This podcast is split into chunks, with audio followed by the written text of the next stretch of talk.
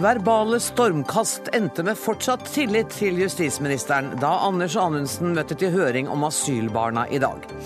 I Dagsnytt 18 møter han Michael Tetzschner, Martin Kolberg og Bård Vegar Solhjell. Fortsatt tillit altså, men daddelvedtak måtte Anundsen tåle. Vi ser nærmere på hvordan Stortinget viser misnøye med statsråder.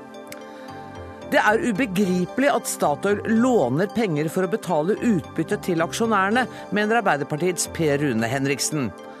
Vi kan ikke droppe utbytte bare fordi oljeprisen dupper, svarer Høyres Tina Bru.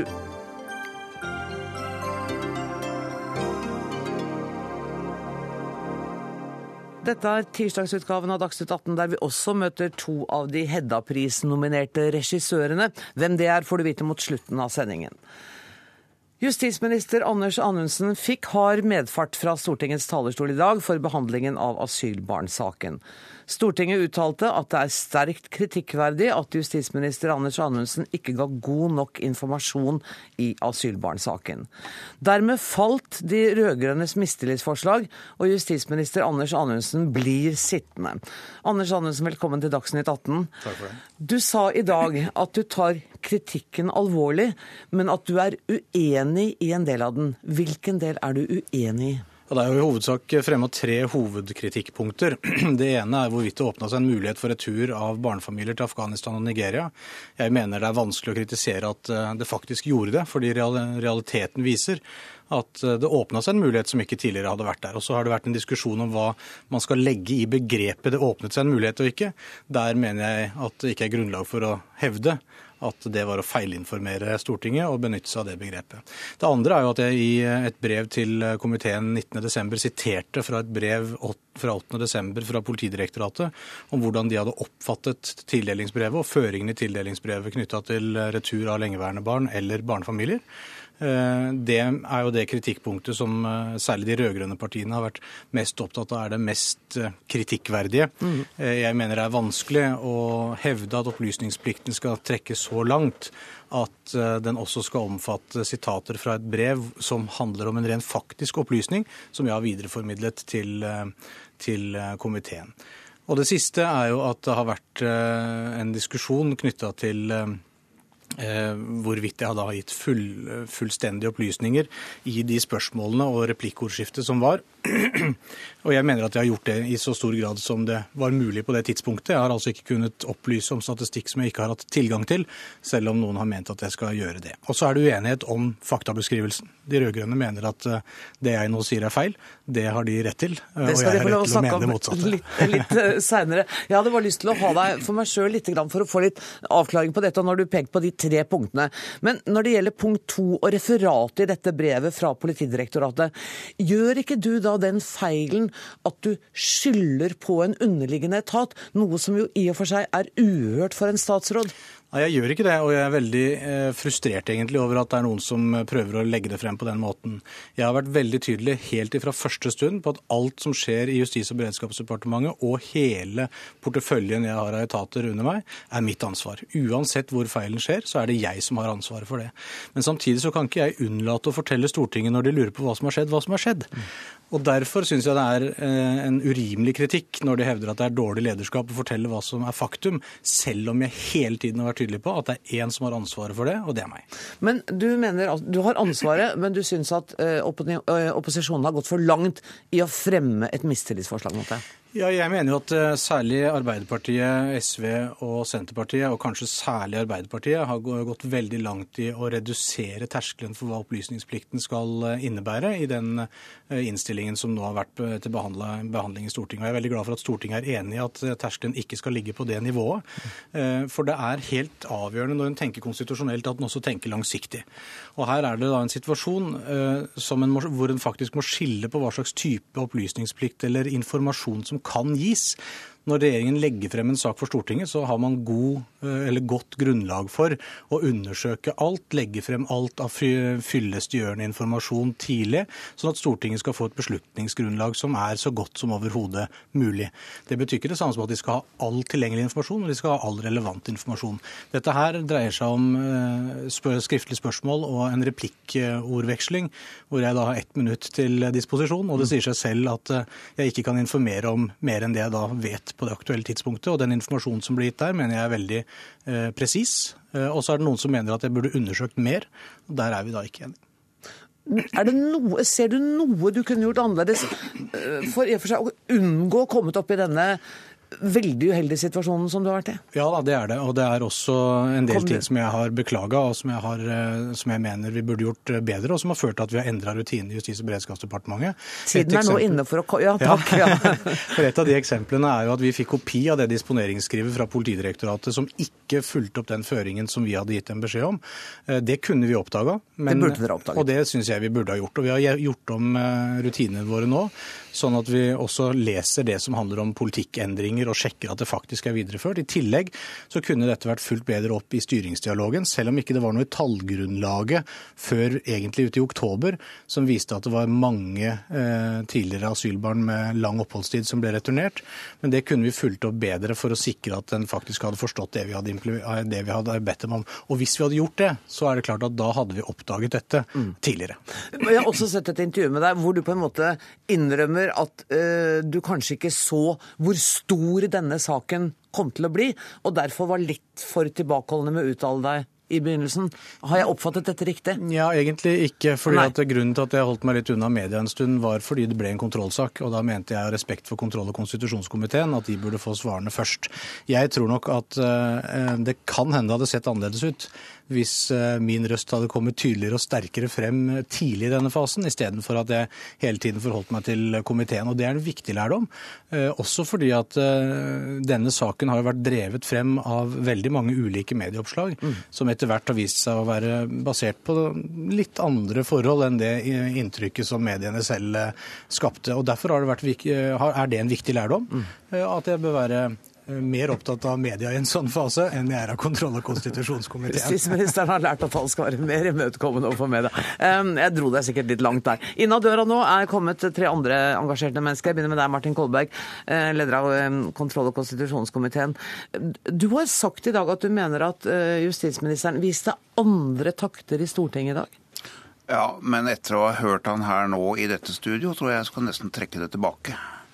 Fordi eh, nå er han tilbake på det gamle sporet og eh, gir ingen innrømmelser og eh, feilinformerer om hva som saken egentlig handler om.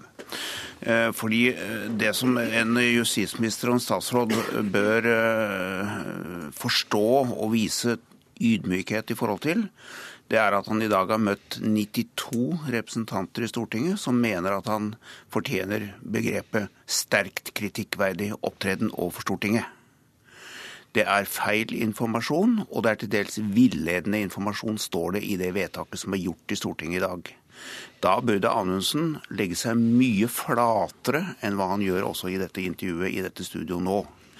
Fordi det er en kritikk som er av en slik karakter at det er helt åpenbart at eh, Anundsen og statsministeren også på hans vegne burde vurdere om han har tilstrekkelig tillit til å fortsette.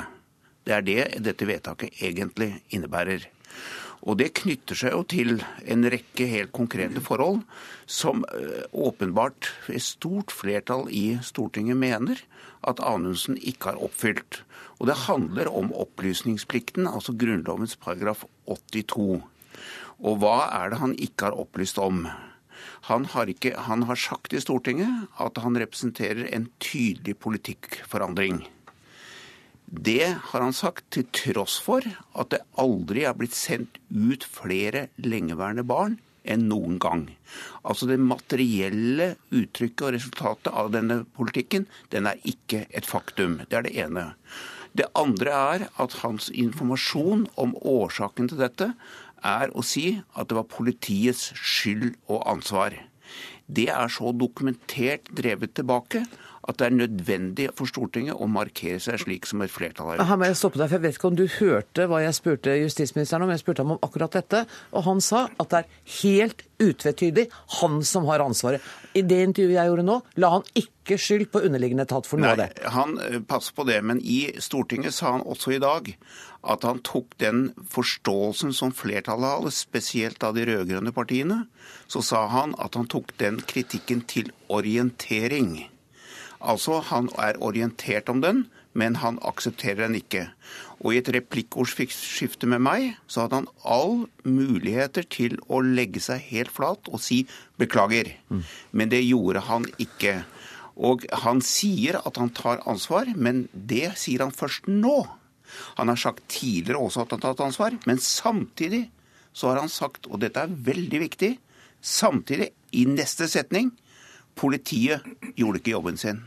Og det er jo dette som høyrepartiene også følger opp i sin argumentasjon. De bygger hele sin forsvar på han om at det er greit at han skylder på underliggende etater.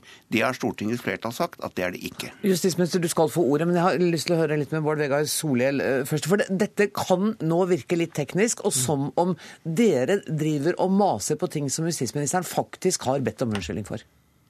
Han beklager tidlig at uh, ikke, den beskjeden ikke ble gitt videre. Men han, han har beklaget også at han ikke leste mm, uh, brevet fra uh, Politidirektoratet, hvor den politiske linjen ikke var tatt til følge. Det er bra, og den erkjennelsen og beklagelsen han tidlig kom med, den tok jeg faktisk, nevnte jeg i mitt innlegg i dag. Men den kritikken vi har rettet mot han, består egentlig av tre punkter, helt kort. For det første, politikkendringa han fortalte om som viktig og klar, ble aldri gjennomført. Og han gjorde aldri noe særlig for å sjekke at den ble gjennomført eller følge den opp, kun ett enkelt brev. For det andre, en rekke forhold som ble initiert av regjeringa, førte til at det ble sendt ut flere asylbarn, ikke færre, i fjor høst. Han fortalte aldri Stortinget om det. Og en statsråd skal ikke bare svare nøyaktig på det han blir spurt om, men på eget initiativ fortelle om viktige forhold. Og det tredje, etter at saken ble åpna, så har han på viktige områder feilinformert eller gitt villedende informasjon. Og Der kan vi være uenige om det er feil eller ikke.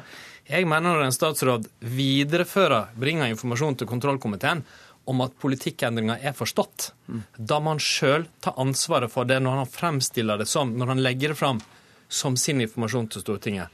Og det samme er, Bruker man et begrep som 'det åpnet seg en mulighet i Afghanistan', og vi finner ut at nei, absolutt ingenting åpner seg, da må han ta ansvar for det. Summen av det her gjør at uh, vi ikke kan ha tillit til hans håndtering av den saken her, og at et flertall har vedtatt at det er sterkt kritikkverdig. Nå er vi ferdig med det, men mitt råd til justisministeren var ville vært mer av den jeg vil si, saklige, ryddige tonen han hadde i dag, og litt mindre av den eh, fortegne kritikken, snakke ned han hadde her nå. Han vil møte et eh, mer anstrengt forhold til Stortinget framover. Da tror jeg han vil trenge ja, Kanskje ydmykhet er ikke et ord jeg forbinder med han, men i hvert fall en litt annen tone, tror jeg, eh, framover. Men dere fastholder eh, at det burde vært et flertall for det mistillitsforslaget? Vi respekterer at andre ikke stemte for det. Det skjønner jeg, men, men dere ja, fastholder jeg mener, det, jeg mener det var riktig. Eh, men det sjeldne skjedde jo at det ble vedtatt en ganske sterk kritikk. Mm. Og det tror jeg han bør merke seg framover. Michael Tetzschner, du er ikke enig verken i at eh, det ble fremmet et mistillitsforslag eller i kritikken. Har de siste månedene vært storm i vannglasset og altfor mye rop og skrik om en sak som kunne vært løst på en annen måte? Ja, men jeg tror det vannglassbildet ditt har gått. Uh, jeg tror det er ditt. Nå er det ikke uh, opp til meg å vurdere andres uh, forslag. De må jo fremme akkurat de forslagene de føler seg bekvemme med. Eh, og Derfor er vi jo ganske fornøyd med at eh, Stortinget med solid margin eh, ikke sa seg enig i det mistillitsforslaget som var på bordet i dag. Ok, Men burde denne da, saken ikke kommet så langt? Jeg mener jo at hvis dette er kriterier for å fremme mistillit, så har man jo satt en veldig veldig lav standard som man ikke vil være i stand til å holde i andre saker. Det er jeg ganske sikker på. og Dermed så fremstår det som kanskje noe mer eh, taktisk betont enn prinsipielt betont. Eh, det kan man jo overbevise seg selv om ved å lese tidligere debatter hvor det har vært eh, fremme mistillit. Mm. Og det underlige, eller interessante, syns jeg i dag, det var ikke hovedinnleggene, men det var jo uh, i en replikk hvor Jonas Gahr Støre ble spurt om dette var ubekvemt, og med dette også ta avstand fra den asylpolitikken han selv har vært med i en regjering å føre. Eh, og så sier han at eh, Nå er vi i 2015, og nå gjelder hva Arbeiderpartiet hadde tenkt å gjøre fremover. Og da blir det jo selvfølgelig ganske interessant, for i dette kan man også lese at Arbeiderpartiet reorienterer seg vekk fra det som var en nokså bred Eh, holdning til eh, effektuering av lovlige forvaltningsvedtak, altså utsendelse, når folk ikke har krav på beskyttelse, og i retning av noe helt annet, som jeg tror ikke vi har sett slutten på. Jeg har ikke tenkt å åpne for den eh, generelle asyl- og flyktningpolitikken nå, men jeg fikk to hender i været som reaksjon på dette med mistillit. Kolberg først. Ja, altså dette, dette, dette som Tetzschner også sa i stortingssalen i dag, og som overrasker meg ganske mye og for oss som sitter i kontroll- og konstitusjonskomiteen, er av stor betydning. Han sier dette er en lav standard i forhold til begrunnelsen for mistillit. Eh, det er altså For det første må jeg bare si at det er jeg uenig det er en selvfølgelig ting å si. Men hva er det han egentlig sier? Høyre, særlig Høyre, Fremskrittspartiet også, men særlig Høyre, som jo er et regjeringsparti i Norge, sier at det er greit at en statsråd skylder på underliggende etater, og hvis det på en måte kan godtgjøres at de ikke har gjort som statsråden ville, så skal statsråden gå fri. Jeg vil bare markere veldig tydelig for all offentlighet at det er en ny konstitusjonell praksis fra Høyres side.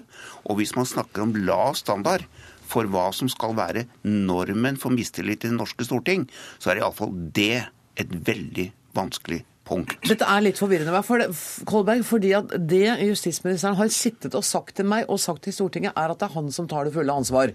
Men han innrømmer altså at det er en feil i et brev fra Politidirektoratet. Nå, nei, men altså, det er ikke så enkelt som det. For det første, jeg kan gå tilbake til det hvis du gir meg tid. Nei, jeg har ikke tenkt å gi deg tid til det. Nettopp, men jeg vil bare si at det jeg sa, relaterte seg til Tetzschners begrep om lav standard. Okay. Og det var det jeg, eh, det var det jeg det var det relaterte meg til okay. nå. Ja, da tar jeg først kommentar til Tetzschner, fordi I februar hadde kontrollkomiteen to høringer. I saken om Bent Høie og Nordvestlandet så ble alle opplyst i løpet av høringen om at dette var ingen stor og alvorlig sak. I Anundsen-saken skjedde det stikk motsatte. Det viser egentlig kontrollkomiteen i arbeid. Og det var jo ikke de rød-grønne partiene som skapte det. Det var det som faktisk skjedde og kom fram i høringa, som gjorde at saken etter det ble langt mer alvorlig. Og jeg syns det er veldig dumt jeg har hørt av Fremskrittspartiet å ta den liksom avfeiende tonen til alt. Litt mer å erkjenne at det her har vært en alvorlig uh, sak som der en del av kritikken har noe for seg, tror jeg ville stått seg uh, bedre. Og Andersen, Det er jo ikke slik at det er Arbeiderpartiet som har tradisjon for å være det mistillitsvillige partiet, hvis jeg nå kan lage et nytt ord. Nei, Det er helt riktig, og det er jo det som gjør dette enda mer spesielt. når de Ditt for parti derimot har drevet mye med det. Eh, definitivt. Eh, men når de for første gang på 32 år da skal fremme et mistillitsforslag, så gjøres det på et grunnlag som jeg er enig med Tetzschner i, ville satt en helt ny standard for hva en skal forvente av opplysningsplikten. Men jeg har lyst til bare å si, fordi eh, komitélederen la til et nok en gang en påstand om at jeg skylder på andre. Jeg har lyst til å understreke at det gjør jeg ikke og jeg vil ta sterk avstand fra påstanden om at jeg gjør det. Og det er heller ikke noe av det som for så vidt er grunnlaget for de, eller de tre hovedgrunnlagene som, som Solhjell var, var, inne på. Men vet du, Da må Også, jeg få spørre Tetzschner om hva han legger i at eh, det er et så lavt nivå på hva man fremmer mistillit for nå, hvis det ikke gjelder dette? Jo, fordi eh, vi har jobbet med denne saken i kontrollkomiteen en stund, og, og også sett litt eh, hva som var øh, innstillingen den gangen man vedtok paragraf 82 i, i Grunnloven. og da fikk Meningen var å beholde statsskikken slik den var, men da fikk man en rekapitulasjon av hva eh, opplysningsplikten egentlig er. Og Da skilles det klart mellom opplysninger som fremkommer f.eks. i et eh, lovforslag som eh, regjeringen fremmer for Stortinget, som har vidtrekkende konsekvenser, eller det kan være dårlig utredende bevilgningsforslag som kan pålegge skattebetalerne milliarder i utbetalinger. Og her sidestiller man det med f.eks. spørsmål i spørretimen som faktisk tar utgangspunkt i forlydender om at uh, Politiets utlendingsenhet i strid med firepartiavtalen nå øremerket lengeværende barnegruppen for raskere utsendelse. Det kunne statsråden svare veldig klart på at noe sånt var ikke på agendaen. Og han er heller ikke eh, blitt eh, skal vi si, korrigert på det punktet, rett og slett fordi han sa det som var riktig allerede i det første. Og så, og, ja, men og så- jo, men det, det går også på Og så forlanger man altså at ja, men pga. dette spørsmålet, som da, for å si det rett og slett, var litt på siden av, av det som var problemstillingen, og som viste seg heldigvis ikke være aktuelt, så skulle han altså på pga. et spørsmål fra en representant som ikke var velinformert, så skulle han altså da undersøkt saken eh, videre med, med ny statistikk osv. Det er jo et umulig krav å stille når du får et spørsmål som ikke har sammenheng med realitetene. Han tilbakeviser realitetene, og så blir han senere anklaget for ikke å ha gått dypere inn i materien.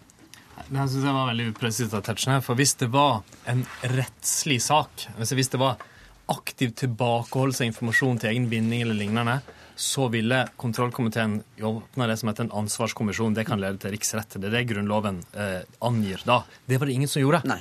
Men et mistillitsforslag det er et politisk uttrykk for at vi mener han på viktige områder ikke har informert godt nok eller villedende. Og det har tre partier stilt seg bak. Tre andre har stilt seg bak all innholdet i kritikken, men ikke trengt den samme konklusjonen. Fordi de ikke ville styrte en regjering. Riktig. Nettopp. Justisminister, jeg, jeg må bare, det var gledelig å høre at du har lært at du skal eh, ha et bedre forhold til pressen. Det må være et par andre ting du har lært av denne prosessen òg? Ja, Heldigvis så er vi jo lærende mennesker, og vi lærer mye underveis i sånne prosesser. Eh, Og det har jo ført til endringer i Justis- og beredskapsdepartementets måte å følge opp underliggende etater på, både i etatsstyringen og i den dialogen som er løpende. I tillegg så er det klart at eh, jeg har lyst til å understreke det òg, siden det blir indikert at jeg ikke tar, tar dette på alvor. At Stortinget vedtar kritikk mot statsråd er alvorlig, og det tar, alvor, tar statsråden selvfølgelig på alvor eh, og tar med seg inn i sitt eh, videre arbeid. Men det må for likevel være lov for en statsråd å si at han på en del av disse utgangspunktene er uenig i faktabeskrivelse og konklusjon. Dere skulle sikkert snakket lenge om dette. Jeg har tenkt å kaste dere ut. Tusen takk for at dere kom, Anders Anundsen, Martin Kolberg, Bård Vegar Solhjell og Michael Tetzschner.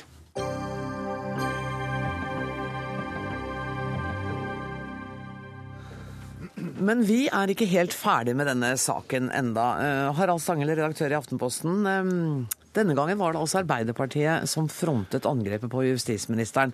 Eh, Og du skriver i dag at det sannsynligvis ikke hadde skjedd hvis Jens Stoltenberg fortsatt hadde vært partileder. Har du tenkt litt over den formuleringen og angra deg litt på den i dag? Nei, jeg har ikke det. Jeg skriver vel ikke sannsynlig, jeg skriver at det er tvilsomt. Tvilsomt, ja. ja og Det skyldes at um, Arbeiderpartiet har ingen tradisjon for å bruke um, mistillit som et politisk våpen. Og vi hørte jo akkurat at Bård Vegar Solhjell eh, kalte det for et politisk uttrykk. Mm. Og det er klart at det er et valg av Arbeiderpartiet, og det er et valg av opposisjonen.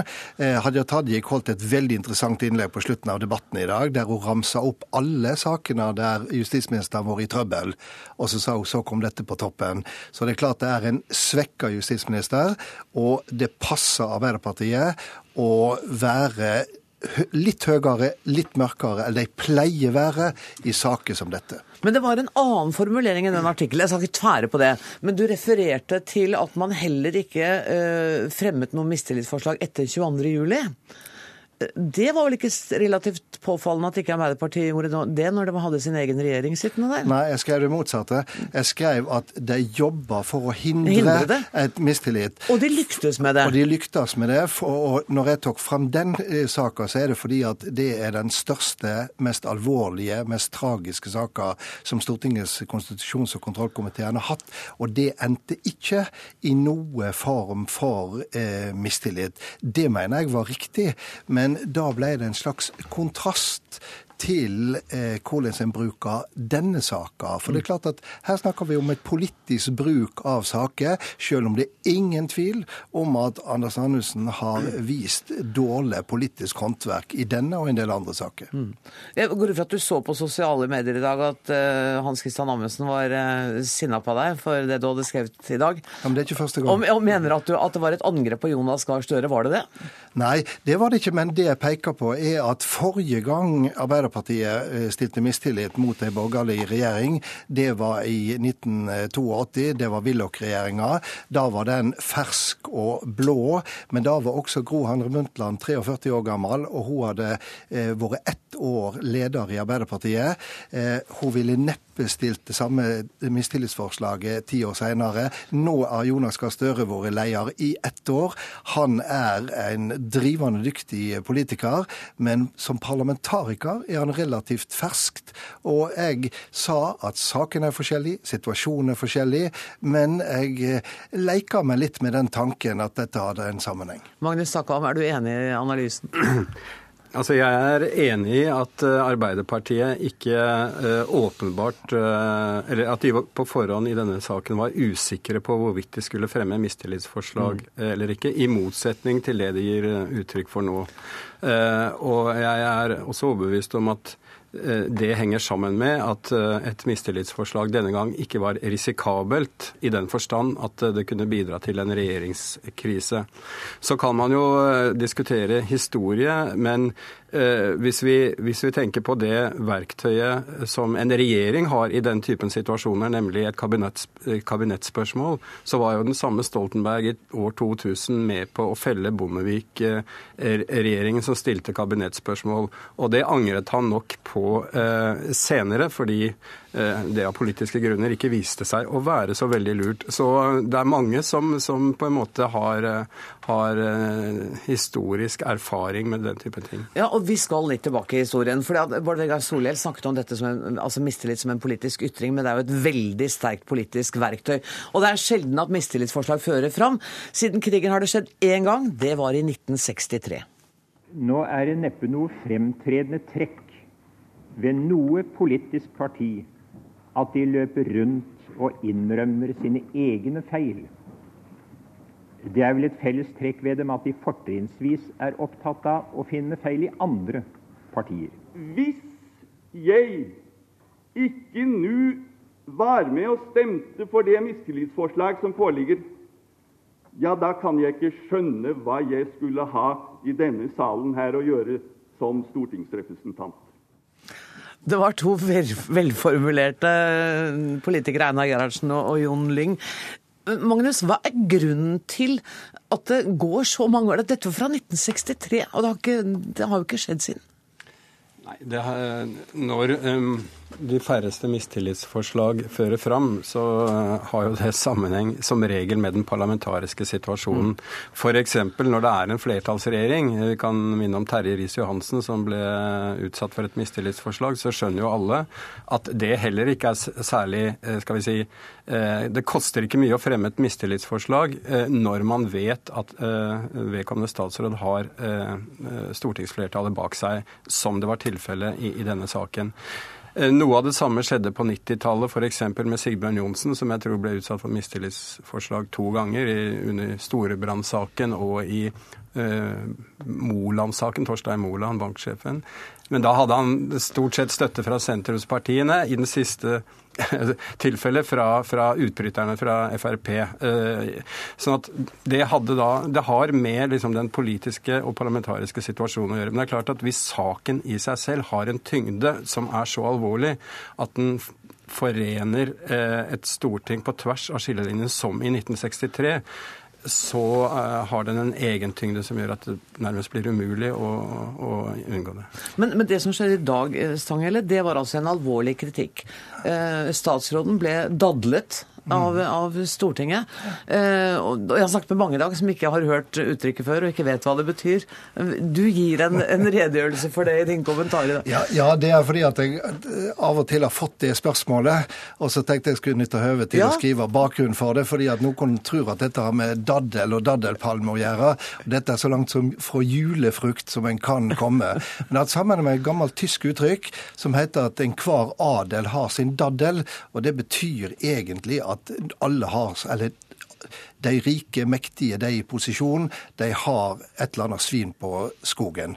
Og Derfor så bruker en eh, dette arkaisk, arkaiske, ja. altså gammelmodige uttrykket, og derfor er det aktuelt i 2015. Eh, Men det kommer altså fra en, en, et tysk ordspråk som igjen går på det at den mektige har noe å skjule. Han må kritiseres for, for det. Takk for den opplæringen. Men dere, helt til slutt. Eh, er det en justisminister som er svekket i sitt forhold til Stortinget vi ser nå? Ja, det er en svekka justisminister, for han har fått mye bank. Eh, og tenk på det at i oktober i fjor så var han en av de store vinnerne i eh, statsbudsjettet. Mm. Fikk skryt fra alle hall. Han ble kalt for regjeringas Wonderboy. Så har vi hatt Krekar, tigging, vi har hatt nederlandske fengsler, vi har hatt asylbarn. Det har vært en forferdelig vinter for justisministeren.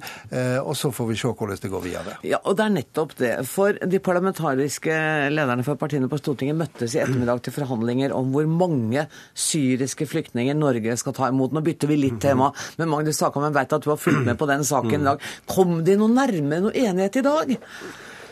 Nei, ikke på ett møte. Det tror jeg ingen hadde regna med heller. Det, det, skal være et nytt møte på fredag der Høyre, Frp, regjeringspartiene har varslet at de vil legge fram en såkalt skisse til som et første forhandlingsutspill, så å si, om ja, hvor mange kvoteflyktninger kan man ta over hvor mange år? Hva slags andre økonomiske eh, vedtak eh, de, de, kan tenke seg å gå inn for. Så det, Da starter på en måte den substansielle, reelle forhandlingen.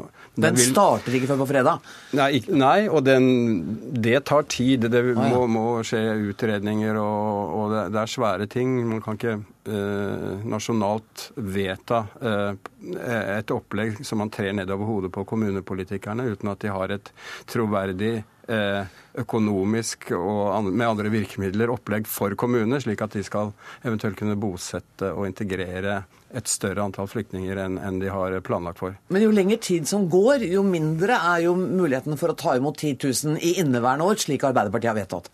Eh, det er klart, og det innser alle. Men når du spør om det, så tror jeg at nettopp eh, Eh, det å gjøre noe, et første skritt allerede i år, er et absolutt krav fra opposisjonen, mm. som Frp eventuelt må gi seg på. Og så tror jeg nok også at flertallet er innstilt på ikke nødvendigvis å nå dette tallet på eksakt 10 000. Sånn at skal det bli en pakke, en, et kompromiss, så må begge ytterpunktene eh, gi seg litt på de to, to uh, sakene. Tusen takk for at dere kom, Harald Stanghelle og Magnus Takvam. Hør Dagsnytt 18 når du vil. Radio NRK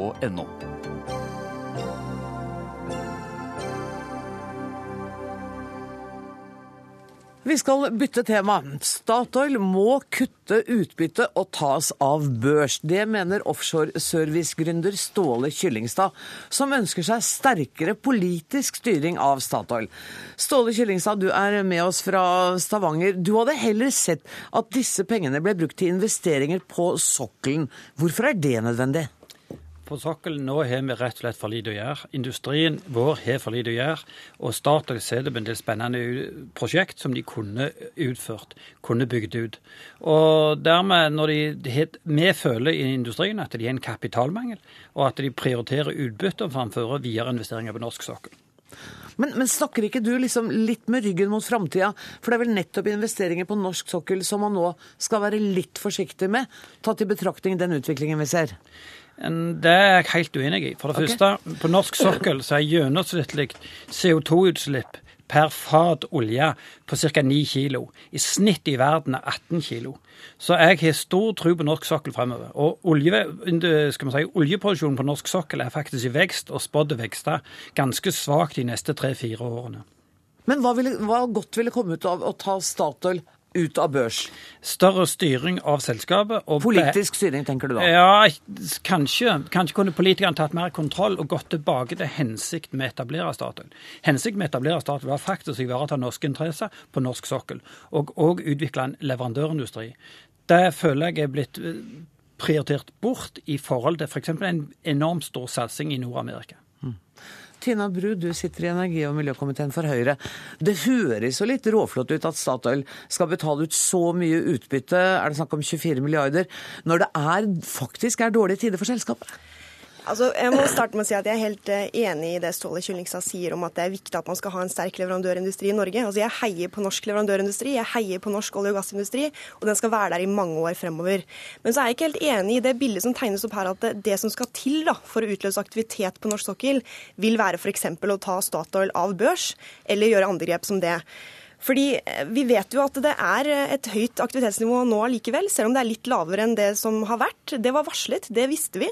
Vi vet òg at Statoil sitt investeringsnivå er ikke kjempemye lavere nå enn det det var i fjor. Altså I fjor var det på 20 milliarder, nå er det på 18 milliarder. Men man må vel regne med at det kan fortsette å synke litt? Altså, Ja. Hvis det synker med et par milliarder i året, så går det fort nedover? Ja, men nettopp Derfor er det viktig å føre en politikk da, som gir forutsigbarhet for norsk olje- og gassindustri, som gjør at man, får, at man gir tilgang til å lete i nye arealer. Det er jo det denne regjeringen er aller mest opptatt av. Det er å føre en forutsigbar, god politikk som sørger for at man har aktivitet på Tina, norsk sokkel. Tina, Tina, jeg er med på at du trenger ting å lete etter, areal å lete på. Og det får vi, men det gir først aktivitet på norsk for vår industri om ti år. Og det er dessverre sånn at hvis ikke vi har noe å gjøre, når de utbyggingene kommer om fem til ti år, så er, så er altså vår industri radert ut. Ja. Vi kan ikke ha de store kapasitetskostnadene stående. Dette er en muskel som må brukes.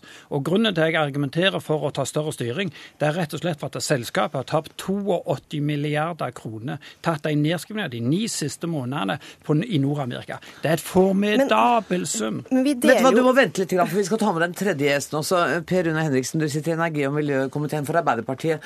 Og du har sagt at Statoil, hvis vi går tilbake til utbyttepolitikken, at den er helt ubegripelig. Ja, jeg mener det er helt ubegripelig av eh, både Statoil og andre oljeselskaper i disse dager når de skviser eh, leverandørene sine, de skviser eh, sine ansatte, de utsetter prosjekter og de, de utsetter vedlikehold. Det eneste som tilsynelatende er fredet, det er eiernes utbytte. Og det syns jeg er helt ubegripelig. Så her er du helt på linje med Kyllingstad. Ja, fordi det trengs investeringer i mye større monn enn det som gjøres i hele industrien, for å holde kapasiteten oppe på et sånt nivå at vi får en effektiv utnyttelse av ressursene i fremtiden. Men dermed vil man jo også da måtte redusere investeringene. Nei. Nei, invester, investeringene må økes. Derfor Istedenfor å betale pengene eh, ut eh, så mye som 24 milliarder til, eh, til eierne, så kan man trekke ned dette og heller bruke penger på verdiskapende eh, prosjekter for fremtiden. For det, det, det vil gi en fremtidig verdiskapning. Og vi som eiere eh, må også tenke på det langsiktige. Og staten som eier har et spesielt ansvar for å tenke langsiktig. Men, men vi er alle opptatt av norsk leverandørindustris konkurransedyktighet. ikke sant? Og jeg mener at norsk leverandørindustri er svært konkurransedyktig, også internasjonalt. Når man ser på de Det store kan jeg mye om. Men- ja, jeg vet du kan det, men når man ser på alle de store kontraktene som har gått på Johan Sverdrup nå, så har det gått til norske leverandører og norske verft. F.eks. når Per Rune Henriksen satt som statssekretær i OED, så gikk fem av fem store kontrakter til utlandet. Det var åpenbart behov for å ta grep. Altså Dette er en jobb som både Men olje- og gassnæringen og leverandørindustrien gjør sammen. Tina- man begynner å lykkes. Tina, det som er poenget. Det Følgeskaden av de tildelingene, det er den vi sliter med nå. Det har jeg aldri lagt skjul på. At det er Asiasyken som rammer oss som industri, for det at fem store prosjekter gikk til Asia. Det var 50 milliarder kroner som ble brukt i utlandet. Det er nesten som å handle på kolonialbutikken i Oslo og bo i Gudbrandsdal, og ikke forstå at lokalbutikken går konkurs. Så ditt raseri går i bunn og grunn mot den forrige rød-grønne regjeringa? Ikke Nei, nei, nei. Jeg, hvis, det, hvis det er et selskap som står for utdelingen, og det er det som det faktisk viser seg å gjøre, at det er selskapet selv som tar avgjørelsene Jeg er f.eks. bedt om å få sett evalueringskriteriene, og de får vi ikke se. Lundin, som er et selskap som kun har kjøpt norske plattformen plattformer, helnorsk, de har vist oss sine evalueringskriterier. F.eks. Statoil ikke. Det er noe av det som eierne må ta tak i, og f.eks. for større Jeg, åpenhet. ja, jeg er enig i at uh, man må være bevisst på disse tingene, men jeg er ikke enig i det som Per Rune Henriksen snakker om i Dagens Næringsliv i dag, som er å på en måte synse, uten å helt si veldig tydelig, at det er på tide å gjøre noe med utbyttepolitikken i Statoil. Det mener jeg er et signal som skaper stor usikkerhet. og som Hvorfor er, det? Jo, fordi at eh, denne industrien krever forutsigbare, stabile rammevilkår. Ja. I fjor fikk vi en rapport som viste at Norge hadde blitt degradert fra IHS i London på hvordan man opplever attraktiviteten på norsk sokkel for investeringer. Det henger sammen med økt politisk risiko. Altså Det er det som skjer. Og i det sekundet en politiker fra et stort parti, Arbeiderpartiet, styringsdyktig parti i Norge, kommer med signaler om at man kanskje over natten skal gripe inn i det som er utbyttepolitikken i Statoil, som er opp til styret å bestemme. Det er styret som har kompetansen til å gjøre denne jobben, ikke vi. Jeg mener det er svært Men uheldig, nå og er det inn. staten majoritetseier, så det hadde jo vært mulig Jo. for dem å si at vi blåser i de noen men det er 30 prosentene. styr- det er det er hadde vært mulig. Ja. Men, vet du hva, nå må men Henriksen talt, eh, vi har et selskap som eh, opererer 80 av eh, norsk olje- og gassproduksjon. De er i stor grad premissgivere for en næring som sysselsetter mellom 230 og 330 000 mennesker.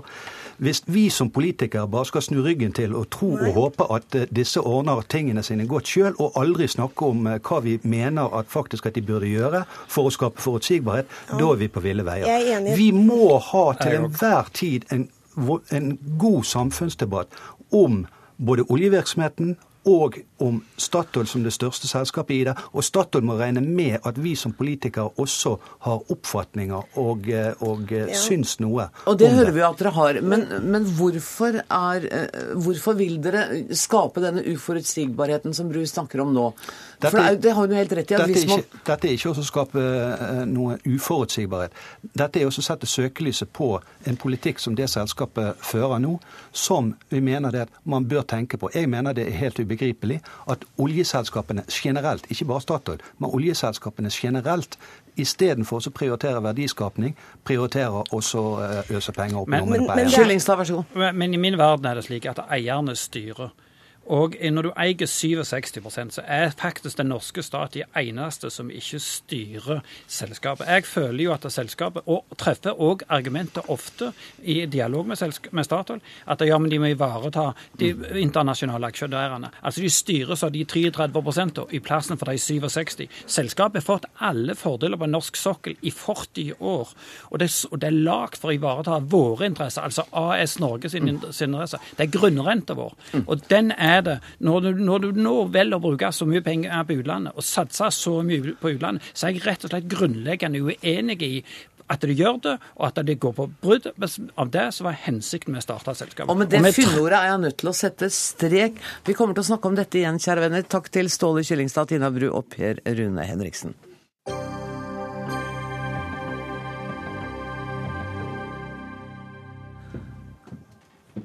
Senterpartiet vil utvide jaktmulighetene på ulv. Annet vil partiet at ulv skal kunne felles på beiteområder utenfor ulvesonen, uten at det må søkes om det.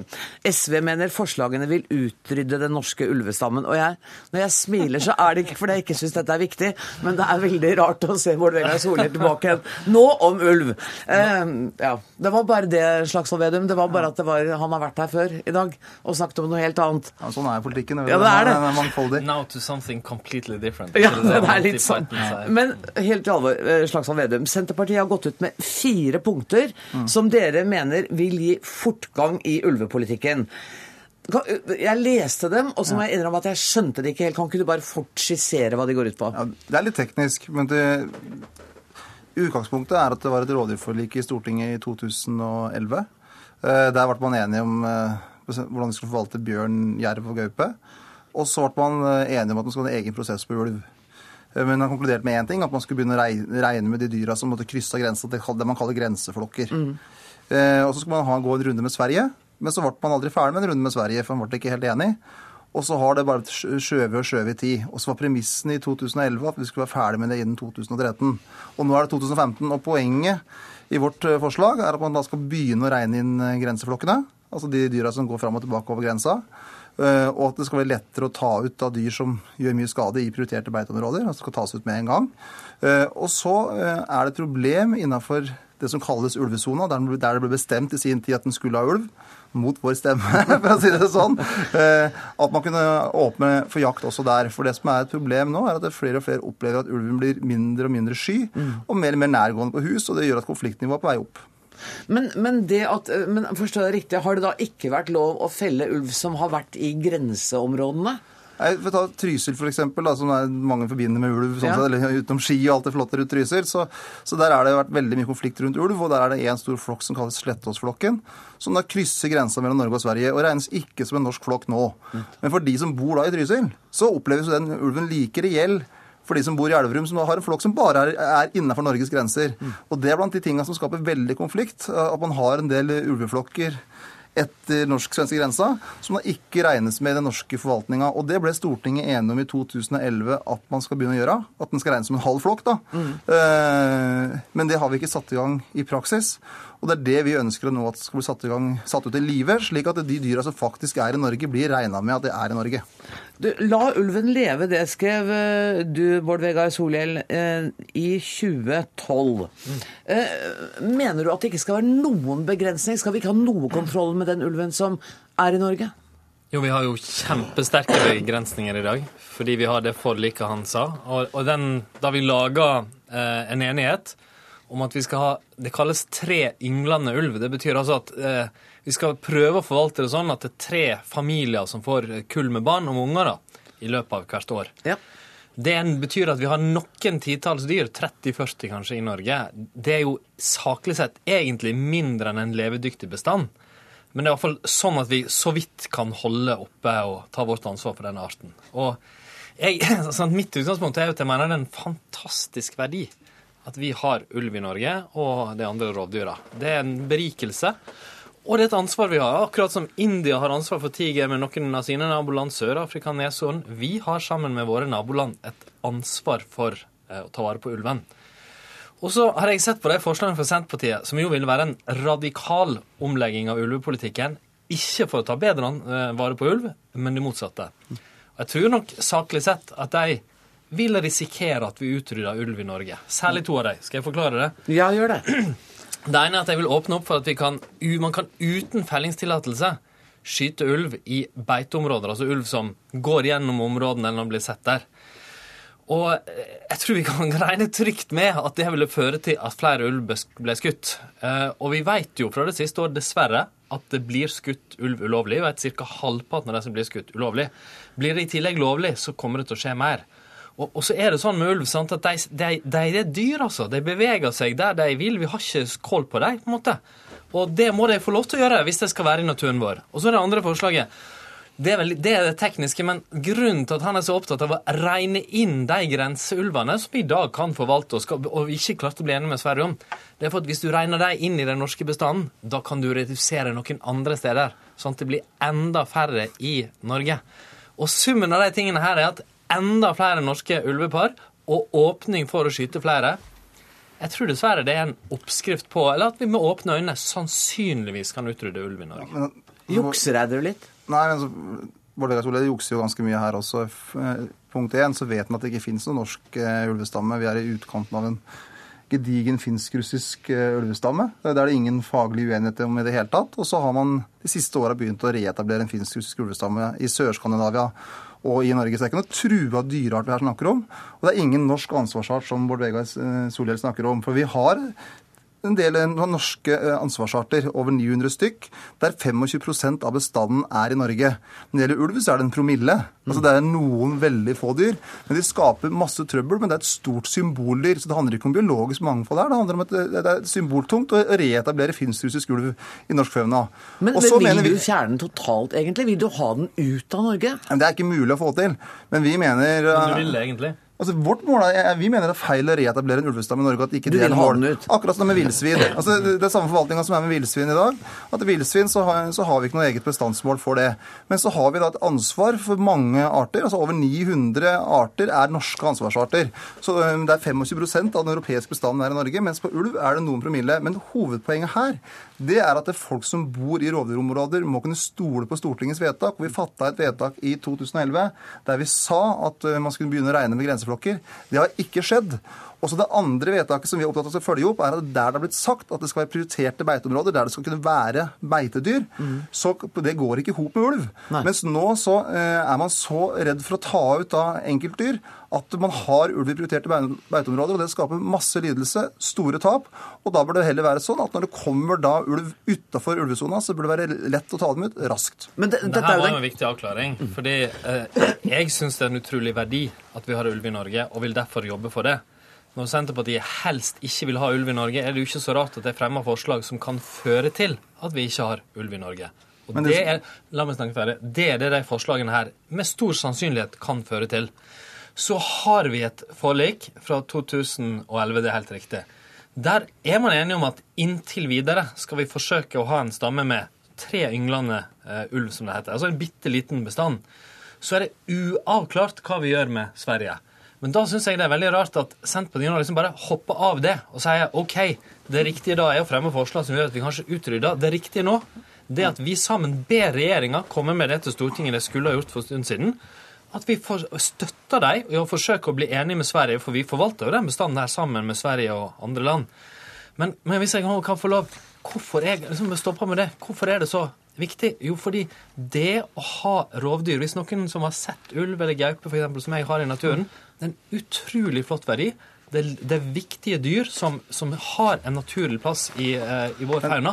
Og det er stor oppslutning om det i Norge. Selv på bygda så er det et flertall av nordmenn som ønsker at vi skal ha en levedyktig bestand av ulv. Men vi ser at vi ikke får flertall av vårt primærstandpunkt. Mm. Eh, Men da må vi også, men allikevel så må vi følge opp de vedtakene som Stortinget har gjort, og det har man ikke gjort. Men det er, er vi enige om nå, akkurat Nei, det. det. Det er vi ikke enige om. Jo, for, det, for han, jo, ønsker, det ikke, sa- han, han, han ønsker ikke å regne grenseflokkene. Så Nei, nei, var det altså- tydelige, tydelige vedtaket. Og det var også et tydelig vedtak om at vi skal ha prioriterte beiteområder der det er, der skal ha prioritet for beitedyr, ikke for rovdyr. Og da vil vi ta ut den. Og det som er et problem nå, er jo at det er, blir mer og mer nærgående dyr på folk, og det går utover folks livskvalitet. Og da kan ikke vi sitte i teoretiske studio og lukke øya for det. Nei, vet du Også- det også- også- og så er det en ting til som er veldig viktig, for det framstilles som at ulven er et sånn veldig vilt dyr som eh, kommer tilbake igjen. Men vi veit jo, og det står på MD sine hjemmesider, at dyr, ulvepar, har blitt frakta fra Nord-Sverige til Sør-Sverige. Eh, fordi at man ønsker å reetablere den sammen. Ja, og, og så derfor så Poenget mitt er at hvis jeg er opptatt av biologisk mangfold, så må vi bruke ressursene på de trua artene, ikke prøve å reetablere en art som skaper så mye trøbbel, skaper så mye støy. Heller diskutere lundefugl og de 900 dra andre fram. Men det skaper ikke så store overskrifter. Du får ti sekunder, for jeg har to andre veldig interessante gjester som er på vei inn i studio. Det er rom for både lundefugl og ulv i Norge. Ja, men da må prioritere vi bruke de store ressursene på de artene som er trua. Hør, dere kan ikke, dere, kan ikke dere gå ut og ta dere en kaffe, og så Ja, se om er dere litt selv om vi er uenige. Det er jo fint. Tusen takk for at dere kom, Bård Vegar Solhjell og Trygve Slagsvold Vedum. Dagsnytt 18 alle hverdager klokka 18. På NRK P2 og NRK2.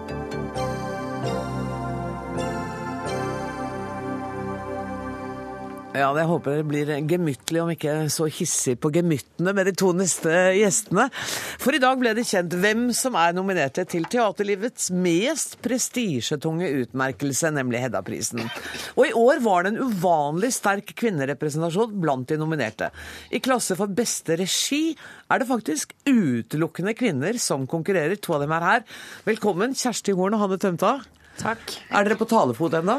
Ja, ja, ja. Så vi er på lag. Vi er på samme lag. Og Tyra Tønnesen også. Egentlig så ville vi bare at eh, vi skulle bare vært nominerte mye lenger. Ja. For det blir jo ikke før 14. juni liksom, Nei, at det skjærer seg. seg. Og det, er litt, og det er litt gøy. Og vi må, det er bra du nevnte Tyra Tønnesen, for hun er den tredje. Dere er tre nominerte. Men jeg så på statistikken, Kjersti. Eh, og statistisk sett så er sjansen for at du skal vinne, større enn for at Hanne skal vinne. For du, ikke sant? I hva som helst, mener du? I hva Ja, som helst. Ja, ja, ja, ja, ja. Mm. Det unner jeg deg. Ja, det er hyggelig. Du, altså, du er nominert for Hamlet og for 'Natten er dagens mor'. Jeg tenkte, To så ulike Ja, veldig forskjellige prosjekter, ja. Det må jeg si. Men gud, da! Ja, begge to er jo veldig store arbeider, liksom. Så det er jo veldig stas. Og du, Hanne, får tre søstre. Ja. Det er jeg stolt over. da. Og den, ja, det ble jo både en publikumssuksess, altså som dine. Altså, dere har jo hatt fantastiske suksesser begge to. Men er det noe i Kan dere kjenne igjen noe i hverandres arbeid? Er det sånn at du ser noe hos Kjersti ja. Altså, jeg beundrer jo Kjersti veldig. Jeg liker jo det at hun er en kompromissløs regissør. Så det er vel mer det at eh, jeg tenker at hun er et ideal for meg i det å være modig. Men jeg opplever ikke at vi har, er beslektet i form og uttrykk, men kanskje litt i holdning. Det kan jo godt være. Det kan jo godt være å Ja, det er jo, menneske, det er jo menneskesyn òg. Det er på en måte Det er det Føler man seg jo beslektet, på en måte. Ja. Det handler jo mye om det, sånne forestillinger. Ja, og, det, og det å beundre hverandre. For jeg ser i hvert fall i min jobb når jeg hører andre som er kjempeflinke, så tenker jeg å søren at ikke jeg har gjort det. Er det. Har dere noen gang sånn? Søren, det grepet skulle jeg ha tatt. Ja, men sånn er det jo hele tiden. Man er jo misunnelig på hverandre og alt mulig. Det er klart det er jo masse konkurranse. det er det som er, gjør det gøy å se andres forestillinger Ja, ja, ja, ja. Det er jo inspirerende. Ja. Og Han er jo min teatersjef, så det er jo kjempe, kjempeviktig for meg. Ja. Hun. Hun, hun henta deg inn, og så sitter du og er eh, konkurrent til Hedda-prisen med henne. Ja, men Hanne vinner jo uansett. Ja, så jeg, vil- Nationaltheatret Mm. vinner jo bra ved å ha historisk mange nominasjoner. Og det som jo er fint for meg som sjef, er jo at det bekreftes de valgene jeg tar, da, med hvilke kunstnere man henter til teatret. Så sånn sett så kan man jo si at jeg vinner uansett. Så det er ikke sånn at hvis Kjersti vinner nå, så får hun aldri et oppdrag av deg mer? Nei, sånn er det virkelig ikke. Vi skal være husregissør på teatret ut min periode. Så Hvordan kjennes det Nå, nå har f.eks. Eh, 'Natten er dagens mor' gått en stund. Har du sett det siden premieren? Har du vært i nærheten av den forestillingen? Ja, men jeg måtte ha litt pause, for det var veldig intens jobb. Så jeg var veldig glad. Jeg var jo i Sverige og gjorde en, eh, en forestilling der. Så jeg er glad jeg slapp å være der en stund, da. Og så var jeg skikkelig glad for at jeg slapp å være med på den turneen. Da har jeg jo reist rundt i hele Norge. Men da har blitt veldig gode venner, da. De Ja, har dere? De har ikke Ja. krangla og ligget nei, de hår blir av bare hverandre? bedre og bedre venner. Jeg var og så på dem i Arendal, Ja, og det var eh, helt utrolig å se hvordan de har spilt seg sammen Ja, som et ensemble og utviklet det hver og en for seg. men i det kollektivet, Ja. da. Det er en heftig forestilling Ja. for alle skuespillerne. Ja. Men du, og det er på sett og vis Tre søstre også en heftig forestilling. Ja, kanskje ikke så mye på det ytre, men gud hjelpe meg når det gjelder følelser. Ja, det er jo altså en av de flotteste tekstene i eh, bare hele verdensdramatikken. Og så er det dessverre sånn at vi menneskene er ikke blitt så mye bedre enn de var på Tsjekhovs tid. Vi prater og vi prater, men vi får det ikke til, og det tror jeg det treffer oss alle.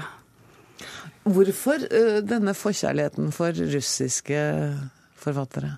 Nei, men jeg har jo gått på teaterskole i St. Petersburg, så jeg er jo litt hjernevaska, da. Du er litt og ødelagt? ind- Indoktrinert. Og så er det jo fordi det er bra, rett og slett. Ja. Hvor har du din utdannelse fra? eh, Dramatiske instituttet i Stockholm. Er det veldig ulikt? Ja, det er veldig ulikt. Det er veldig ulikt. Vi fikk jo ikke jobbe med klassikere i det hele tatt. Vi jobbet bare med nyskrevet dramatikk ved fire år. Så for meg f.eks. at jeg har gjort eh, Hamlet, Ja. det er veldig veldig stort skritt å begynne å gjøre de store klassikerne. Og det er fantastisk som regissør å kjenne hvor heftig det er. Nå vil jeg egentlig bare gjøre sånne store klassikere. Ok, Hva er, hva er drømmen nå? Jeg vil gjerne gjøre mer Shakespeare, da. Det syns jeg er skikkelig, skikkelig gøy. Eh, ja. Det skal det vel bli en rå Ja, med. Kan det Ja, det veldig bra. bra. med. Ja, ja. liker at du forhandler deg her. Ja, ja, ja. Eh, Nå sa Kjersti at, at det hadde vært en heftig eh, periode og, og stort eh, å sette opp 'Natten er dagens mor'. Hender det at man rett og slett ikke får til den gode kommunikasjonen med skuespillerne som man drømmer om? Eller er jeg litt for nærgående nå? Nei, men det er jo klart, det det. skjer jo stadig vekk. Og det er jo så intimt arbeid med skuespillerne på godt og vondt. Man blir så veldig, veldig godt kjent med både de stygge og de fine sidene til de menneskene. Så man, man jobber så nært hverandre, liksom. Så jeg mener bare det at jeg har to skuespillere også som er nominert eh, i de forestillingene, betyr enormt mye.